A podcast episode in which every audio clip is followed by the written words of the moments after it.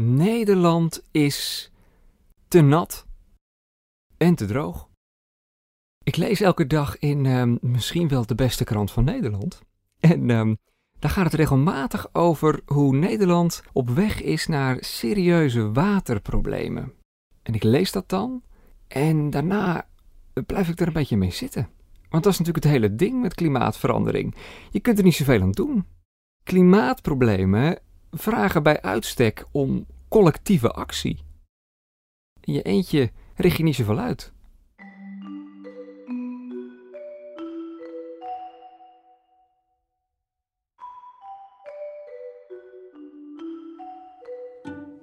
Op 8 oktober presenteert Trouw de Duurzame 100. De lijst met de belangrijkste groene en duurzame initiatieven. En in de aanloop naar die bekendmaking ga ik erop uit.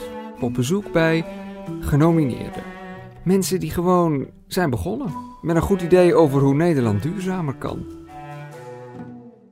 Eén ding kan ik alvast zeggen. Die mensen halen alles onderuit wat ik net zei. Ik heb inmiddels wat telefoontjes gepleegd en uh, daarbij begon ik me eigenlijk gelijk al af te vragen: zijn zij nou zo verschrikkelijk optimistisch of ben ik gewoon veel te klein gaan denken? Dit soort mensen laat zien dat het nooit kwaad kan om de wereld aan goede ideeën te helpen.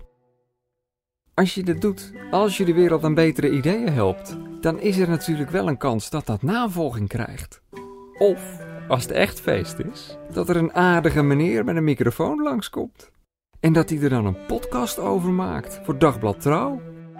Waar dan weer een hoop andere mensen naar luisteren. En die raken dan ook geïnspireerd.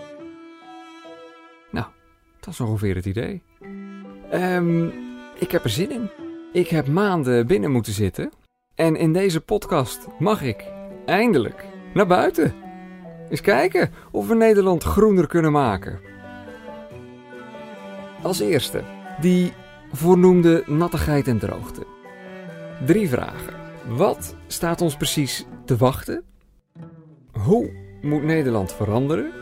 En hoe kunnen we zelf alvast aan de slag?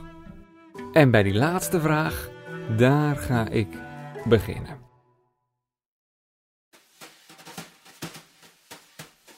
Dit is de Groenkast. Ik ben Robin. Robin de Wever. Ah, goedemorgen. I presume. Ja, ik geef Ja, nee, nee, kom verder zeg. Kom verder. Gerard de Vries uit Amersfoort. Het is donderdagochtend en ik ben uh, op de fiets gestapt. Ik woon zelf ook in Amersfoort en ik ben gereden naar Gerard en zijn vrouw Ria. Gerard en Ria wonen prachtig. Een hoekhuis net buiten de binnenstad. Oude wijk, mooie tuin, vijver niet te georganiseerd. Ook niet te rommelig trouwens. Struiken met overhangende bladeren. Nice. Gerard was jarenlang docent natuurkunde hier op een school in Amersfoort en nu is hij met pensioen. En een van de genomineerden voor de Duurzame 100. Bij Gerard begon het allemaal met een plan. Een projectje voor de tuin. Een projectje dat hij stilletjes bedenkt. Tot er een moment komt waarop hij, nou ja, het niet langer meer kan verzwijgen voor Ria. Wat dacht jij ervan toen, toen Gerard begon met dit hele project? Hemel, nu, weer nu dat weer. Hij heeft het ook eerst niet gezegd tegen mij, want hij dacht, oh god, heeft ze weer commentaar op. En dat had ik dus ook. Hij zei, ik ga morgen ga ik naar, ga ik een tank kopen. Een tank kopen? Ja, en toen kwam het verhaal. Dus hij had dus al lang gedacht en hij had al honderd tekeningen gemaakt en zo. Nee, ik dacht, oh god, doe toch gewoon. Uh, doe, doe toch gewoon. Maar ja, Gerard deed niet gewoon. Gerard was niet tevreden met zijn regenton. Die stond in de tuin en die ving aardig wat water op. Maar bij elke regenbui zag hij met ledenogen aan hoe het meeste water gewoon wegstroomde. En dus zocht hij naar een upgrade. Een regenton die meer kon opvangen.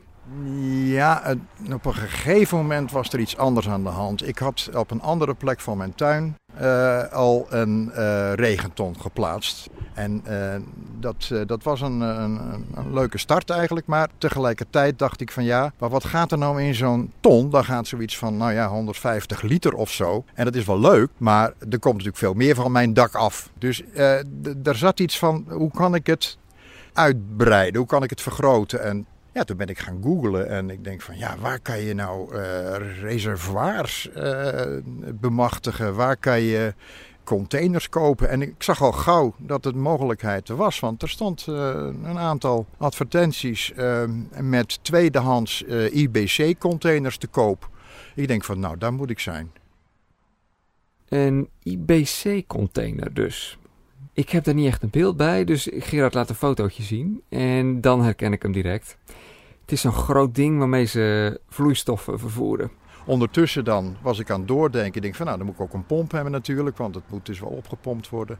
En zo ben ik dus ook weer daarna gaan googlen en, en dan schraap je zo allerlei dingen bij elkaar en dan blijkt dus dat je dus voor een, een, een 35 euro zo'n zo'n IBC-tank kan kopen. 35 euro? 35 euro, ja. En die kan je dan uitzoeken, want ze staan dan gewoon op opslag. En ik heb ze inderdaad uit moeten zoeken, want uh, die vulopening, daar ging het natuurlijk om. Daar moest dus dan weer zo'n uh, uh, dompelpomp doorheen kunnen natuurlijk. De dompelpomp, dat is de pomp die erin gaat hangen. Die moet het allemaal vanuit de tank naar de tuinslang gaan pompen. Ja, dat, dat, die konden best lang in het water blijven staan. Dat was geen probleem, zeiden ze. Dus daar heb ik dan ook eentje, een vrij simpele, voor 35 euro gekocht. Dus als je dit allemaal optelt, dan heb ik nog niet eens 100 euro besteed hieraan.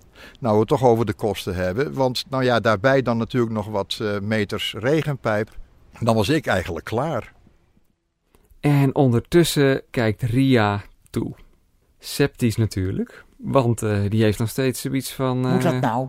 Dus, dus, eigenlijk moet dat, moet dat nou. En ja, misschien uh, lukt het allemaal wel. En toen die tank er eenmaal stond, die heeft er ook een maand buiten gestaan. En die had ik ook nodig om aan dat ding te wennen. Gerard was aan het denken gezet door de mannetjes in zijn straat. Die hadden de straat opengetrokken en waren de riolering aan het vervangen. In de straat en uiteindelijk ook in zijn tuin. Nou ja, het betekende sowieso al uh, dat mijn hele tuin gewoon helemaal overhoop lag. Want die aansluitingen, de riolen en uh, nou, je kunt je voorstellen zo'n graafapparaat die uh, het ene riool ophaalt en het andere nog gaat leggen. En dan nog mijn riool erbij. het was één grote chaos in mijn tuin. Gerard stapt naar een van de mannen van het rioleringsbedrijf en vraagt... Als jullie toch de boel open gaan graven, kun je mijn tuin dan ook meepakken?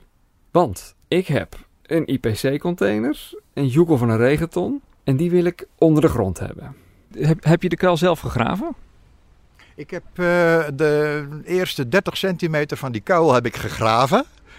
En aangezien uh, de straat toch overhoop lag, heb ik dat uh, nog naar de straat toe kunnen transporteren. En toen wisten zij in ieder geval waar het was.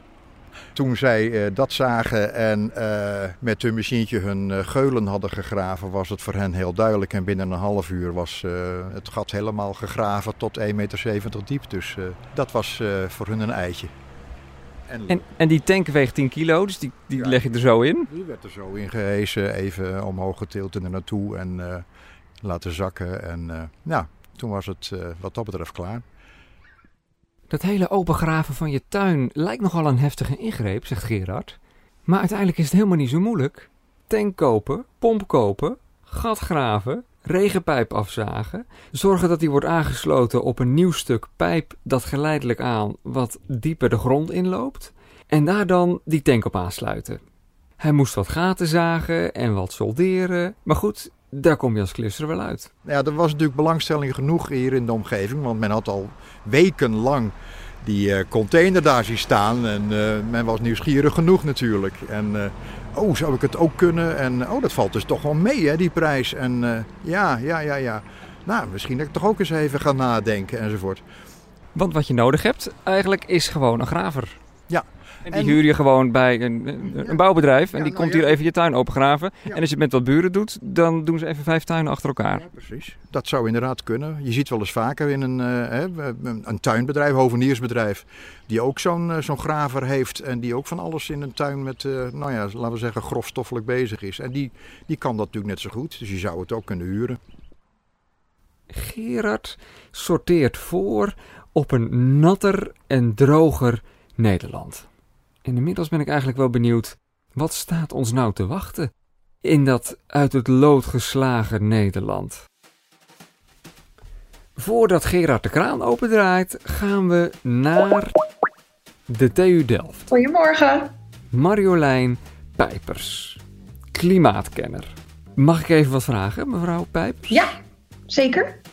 Mevrouw Pijpers doet onderzoek naar die waterproblemen. En naar wat die waterproblemen ons zoal gaan brengen de komende tijd. Die toekomst, die kunnen we eigenlijk al zien, zegt ze. Kijk naar de flinke hoosbuien die we nu al regelmatig hebben. En wat vooral over tien jaar anders is, is dat dat veel vaker voorkomt. En daar is eigenlijk die riolering en ook de bovengrondse afwatering niet op berekend. Eh, we kennen allemaal de beelden, heel veel water op straat, soms ook zelfs de huizen in. En dat komt niet per se door het water, maar door de manier waarop we met dat water omgaan. Eh, dus dat we eigenlijk watertekort hebben. We voeren het allemaal af, dat water. Eh, we laten het eigenlijk niet genoeg in onze eh, ondergrond infiltreren. Waardoor we ook in perioden van droogte, zoals we die zeker de laatste twee jaar gezien hebben, eigenlijk niet genoeg water voorradig hebben voor bijvoorbeeld onze planten. Maar ook gewoon om dat grondwaterpeil goed te houden. En dan ben je dus al te laat. Had je dat water nou maar opgevangen toen het door de straten spoelde? En dan, zegt Pijpers, stapelen de problemen zich op. A, in de steden hebben we natuurlijk heel veel verharding. Dus daar gaat het water niet doorheen. Eh, we voeren dat dan hè, af naar het riool. Dat betekent dat het niet in onze grond, in onze bodem terechtkomt.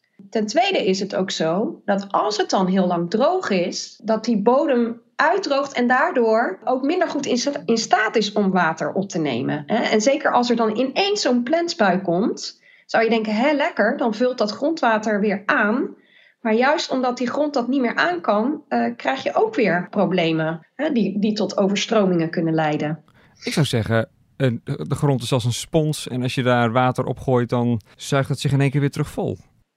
Ja, eh, in principe zou dat zo zijn, mits je eh, goed grondwaterbeheer hebt. Eh, maar als, als die spons echt helemaal uitgedroogd is, dan kan die dus geen water meer opnemen. Of in elk geval niet meer heel goed. Nou ja, en een droge grond is ongezond. Het is een beetje als met ons lichaam. Als je niet genoeg drinkt, wordt het van binnen een onfrisse boel. Dus, stel, het is een warme dag. En wat krijg je dan? Oppervlaktewater gaat natuurlijk heel veel verdampen en, eh, en warmer worden. En normaal, als het niet droog is, wordt het vaker aangevuld en doorgespoeld. Door eh, regenwater, maar ook door water eh, wat uit onze rivieren komt. En dat leidt dan weer tot andere problemen. Zoals in het westen van het land, dat daar het zeewater de grond in begint te sijpelen. En meer in het algemeen, grondwater dat normaal gesproken dieper ligt, trekt naar boven. En daardoor krijg je kwel, dus dat is water wat vanuit de ondergrond omhoog komt. En in die diepere lagen zit meer zoutwater. Dus dat komt dan omhoog in perioden van droogte. En dat is heel schadelijk voor allerlei gewassen, hè? Voor, eh, voor de natuur, eh, voor de landbouw ook. Maar daar kun je wat aan doen. Met een nieuwe aanpak, met nieuwe methoden. En die nieuwe methoden, die liggen al klaar. Bijvoorbeeld andere soort straten. Eh, nou, dat betekent dat je je straat eigenlijk anders inricht of anders ontwerpt. Eh, traditioneel gezien eh, worden straten zo ontworpen dat ze in het midden wat hoger zijn en aan de zijkanten wat lager. En daar zien we dan ook die kolken, dus dat is waar het water dan het riool ingaat. Dus dan gaat het er, er snel uit. Als het riool niet meer aan kan, oké, dan blijft het dus staan. Eh, en loopt het op een gegeven moment de stoep op en misschien wel de huizen binnen. Een nieuwe manier, die eh, wel al vaker toegepast wordt, is om ervoor te zorgen dat die straat eigenlijk wat lager is. En vaak ook juist in het midden dieper is dan aan de zijkanten, zodat die ja, eigenlijk als een soort kommetje tijdelijk dat vele water kan tegenhouden. Zodat het niet de huizen inkomt en het wat meer tijd heeft om weg te lopen. Dat is stap 1. En dat combineer je dan als gemeente met bij voorkeur een andere verharding. Andere straatstenen of ander asfalt. Toch? Asfalt is uh, wat lastiger, hoewel er ook wel doorlatend asfalt is. Uh, maar we hebben het vooral over uh, meer straatstenen. Dus er is allerlei verharding nu op de markt, die er eigenlijk precies zo uitziet als, als we gewend zijn van de traditionele materialen. Maar die eigenlijk op materiaalniveau, op, op microniveau, zo zijn gemaakt dat ze water doorlaten. Dus ze sluiten veel minder af en laten dat water door naar de ondergrond. En dat gebeurt al, zegt Pijpers. Als er straten vervangen worden, en dat gebeurt regelmatig, dan kiezen gemeenten meestal voor dit soort maatregelen. Straten worden doorgaans elke 10 tot 15 jaar vervangen, dus dat loopt wel een beetje door. Maar bij rioleringen is dat 30 tot 60 jaar. Dus dat gaat niet zo hard. En daarom is het aan gemeenten om in kaart te gaan brengen waar de bottlenecks zitten. Nou, dat schoot de afgelopen jaren niet echt op. En dus heeft Den Haag ze nu opgedragen om voor het einde van het jaar een soort inventarisatie in te dienen van hoe het er in hun regio voor staat en wat ze precies met die bottlenecks van plan zijn. Goed, in afwachting daarvan kun je natuurlijk ook zelf wat doen. En daar hoef je niet direct je hele tuin voor open te graven. Veel gemeentes geven bijvoorbeeld subsidies uh, voor het ontkoppelen van je, van je regenwaterafvoer. Dat is een chic woord voor eigenlijk het gewoon het doorzagen van je regenpijpen vlak boven, boven de grond. Zodat dat water niet meer op het riool komt, maar je tuin in kan. En dan zet je daar bijvoorbeeld een regenton onder. En daar kun je dus in sommige gemeenten subsidie voor krijgen. In ieder geval, als je een tuin hebt en als het even kan, leg de boel niet vol met steen. Als je tuin een en al tegel is, dan kan het water niet weg en komt er dus extra druk op de straten en extra druk op het riool. Groen is altijd beter. En alles is beter dan tegels. Stel je zegt, ja, ik heb echt geen groene vingers en ik wil dat niet. Ik wil gewoon mijn verharding houden. Ja, kijk dan eens of je niet de traditionele uh, tegel pakt, maar zo'n nou, zo'n nieuw soort tegel of misschien uh, open verharding of uh, nou ja, halfverharding zoals ze dat noemen. Dus de, dus de, eh, de oude grindpaden of de, de kiezels of de, de schelpen. En dus zelfs als je echt geen groen wil, zijn er materialen voorhanden waarbij je ja, er toch voor kunt zorgen dat er meer water de bodem inzakt dan dat er naar het riool gaat. En tot slot, als je wel een groene tuin hebt, je kunt ook eens een kritische blik werpen op de soorten planten die je daar hebt staan. Ja, wij zijn natuurlijk een beetje gewend om uh, eigenlijk hele exotische planten die hier in het klimaat eigenlijk van oudsher niet voorkomen in onze tuin te willen. Ja, daar moet je dus ook heel veel moeite voor doen. Maar je kunt ook uh, meer inheemse soorten nemen. Dan heb je daar ook veel minder onderhoud aan. Wou je het even zien? Ja, graag even open. Ja, nou, graaf even open. Uh, ik heb het laatst ook even aan mijn kleinzoon nog laten zien, want die was er ook wel nieuwsgierig naar. Er is hier een uh, natuurstenen plateautje. Daaronder een, een omgekeerde dienblad. Ja, je moet iets bedenken om het een beetje af te schermen, want ik wil natuurlijk heel weinig zand in die, uh, in die koker hebben. Dus als ik die er dan voorzichtig afhaal, zie je, dan zie je ja. daar dan zie je daar dus die, uh, die, dat vulgat. In het kastje, daar heb ik dan mijn uh, snoer hangen. En zodra ik dat snoer dan in een stopcontact steek, dan begint de dompelpomp te pompen. Kun, kun je het proberen, sproeien nu? Ik hou hem vast. Hoe gaat hij? Nou, daar komt hij al. Het is een vrij lange slang, want ik wil dus eigenlijk de hele tuin kunnen bedienen en nou, je hoort het, je ja. ziet het. Hier, uh, ik weet nog wel van uh, een, een, tijdje terug dat het echt heel goed heeft gestortregend. En uh, nou, hij zit dus vol op dit ja. moment. Als het, hier, als het hier een uur flink regent, ja, dan, dan, zit de tank beneden vol? Ja, dat denk ik wel, ja. Ja, ja dat gaat wel hard hoor. Ja. Okay. Ja, ja. En hoe lang kunnen we dan sproeien? Tweeënhalf uur. Zo, ja, dat is ook het mooie ervan natuurlijk. Het is niet, het is niet duizend liter, maar het is enige malen duizend liter. Ja. En ja, dat is dan ook een beetje waarin ik heb door zitten denken. Van stel je voor dat dit nou wat meer gebruikt wordt. Stel je nou voor dat, één persoon dat uh, dan vijf keer per jaar doet, is dat dan 5000. Als er tien mensen zijn, heb je al uh, eh, 50. En, en nou ja, tel maar op, je hebt niet eens zoveel mensen nodig om een miljoen liter op te vangen, zeg maar, hè, bij elkaar. En als je je tuin niet open wil graven, dan zou je hem natuurlijk ook nog in je tuin kunnen zetten. Is natuurlijk niet zo mooi, maar daar kun je op zich wat aan doen met uh, planten ertegen of een schutting ervoor of zo. En uh, zo'n ondergronds ding, stel dat die kapot gaat. Wat dan? Ja, er is natuurlijk een kans dat de leidingen ooit wat los gaan komen, zegt Gerard. En dan moet de boel misschien open. Maar goed, het belangrijkste dat kapot kan gaan, dat is de pomp. En dan hoeft hij alleen maar het dienblad voorop te tillen en dan kan hij er zo bij. En uh, verder is het een kwestie van afwachten. Nou ja, je weet misschien zelf al hoe lang een plastic zakje meegaat in de natuur. En dit is uh, vrij redelijk stevig uh, plastic. Dus ik denk dat het wel een tijdje zal, zal meegaan. Ah, fijn. Gerard ruimt de tuinslang op en ik zwaai naar Ria, die binnen zit. Als we de kamer weer inkomen, vertelt ze dat ze het inmiddels allemaal prachtig vindt. En terwijl we zo nog even zitten te keuvelen over regen en tuinen en groen, denk ik ineens aan een Twitter-account. Onderhoudsarmoede. Met elke dag een soort bloemlezing van gemakzuchtige, lelijke tuinen. Stenen gedrochten waarin, nou ja, niet alleen de natuur, maar ook de goede smaak bij de wortel is uitgeroeid. Je mist ook wel dingen. Oh, moet je kijken, ja. Och, mensen. Uh, weg. Uh, jakkers. Oh, wat ellende. ja, dat is natuurlijk niet zo leuk. Ja, ja. We zien een grijs-witte bungalow met grijs grind. En daarin vier langgerekte vlakken die nogal doen denken aan grafstenen. Met het bijschrift: Begraaf je voorouders in een onderhoudsarme tuin. Ja, als ik zo naar die vormen kijk, dan past net een uh, keurig netjes een mens. Nou, en nog komt er tenminste nog iets organisch in de tuin. Och, mensen.